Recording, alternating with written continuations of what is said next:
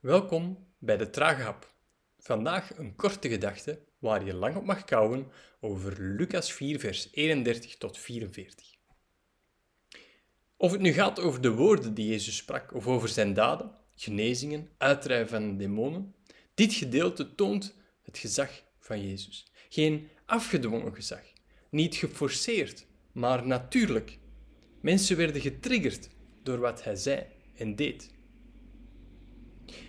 We komen in dit gedeelte demonen tegen en wij, rationele westerlingen, wiens hoop gericht is op de wetenschap, vinden dat wat moeilijk.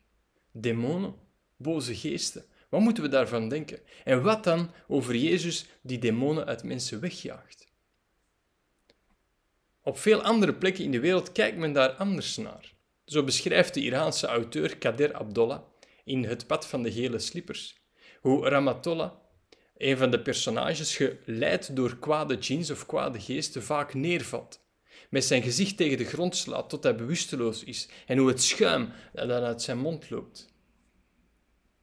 Westelingen zouden hetgeen gebeurt wellicht gemakkelijk typeren als iemand met epileptische aanval. En ik bedoel natuurlijk niet zomaar dat epilepsie een uiting is van demonen, zeker niet.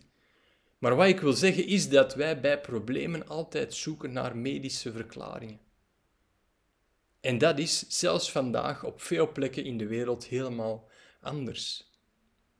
Dit gedeelte toont ons alleszins dat Jezus Christus niet zomaar een goede leraar was, maar iemand die natuurlijk gezag tentoonspreidde, waardoor mensen naar hem luisterden. En hij toonde ook gezag in wat hij deed: zieken genezen, waaronder de schoonmoeder van Petrus. En nee, ik laat mij niet verleiden tot grapjes over schoonmoeders.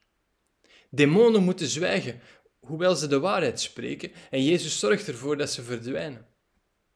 Nu, misschien vindt u die dingen rond demonen en zo lastig. Ik begrijp dat. Het is iets vreemd voor ons. Maar onthoud dan dit. Jezus Christus wordt in heel het Nieuwe Testament getoond als overwinnaar. Hij overwint pijn, verdriet en dood. En als je dat vasthoudt, ben je al een heel eind onderweg.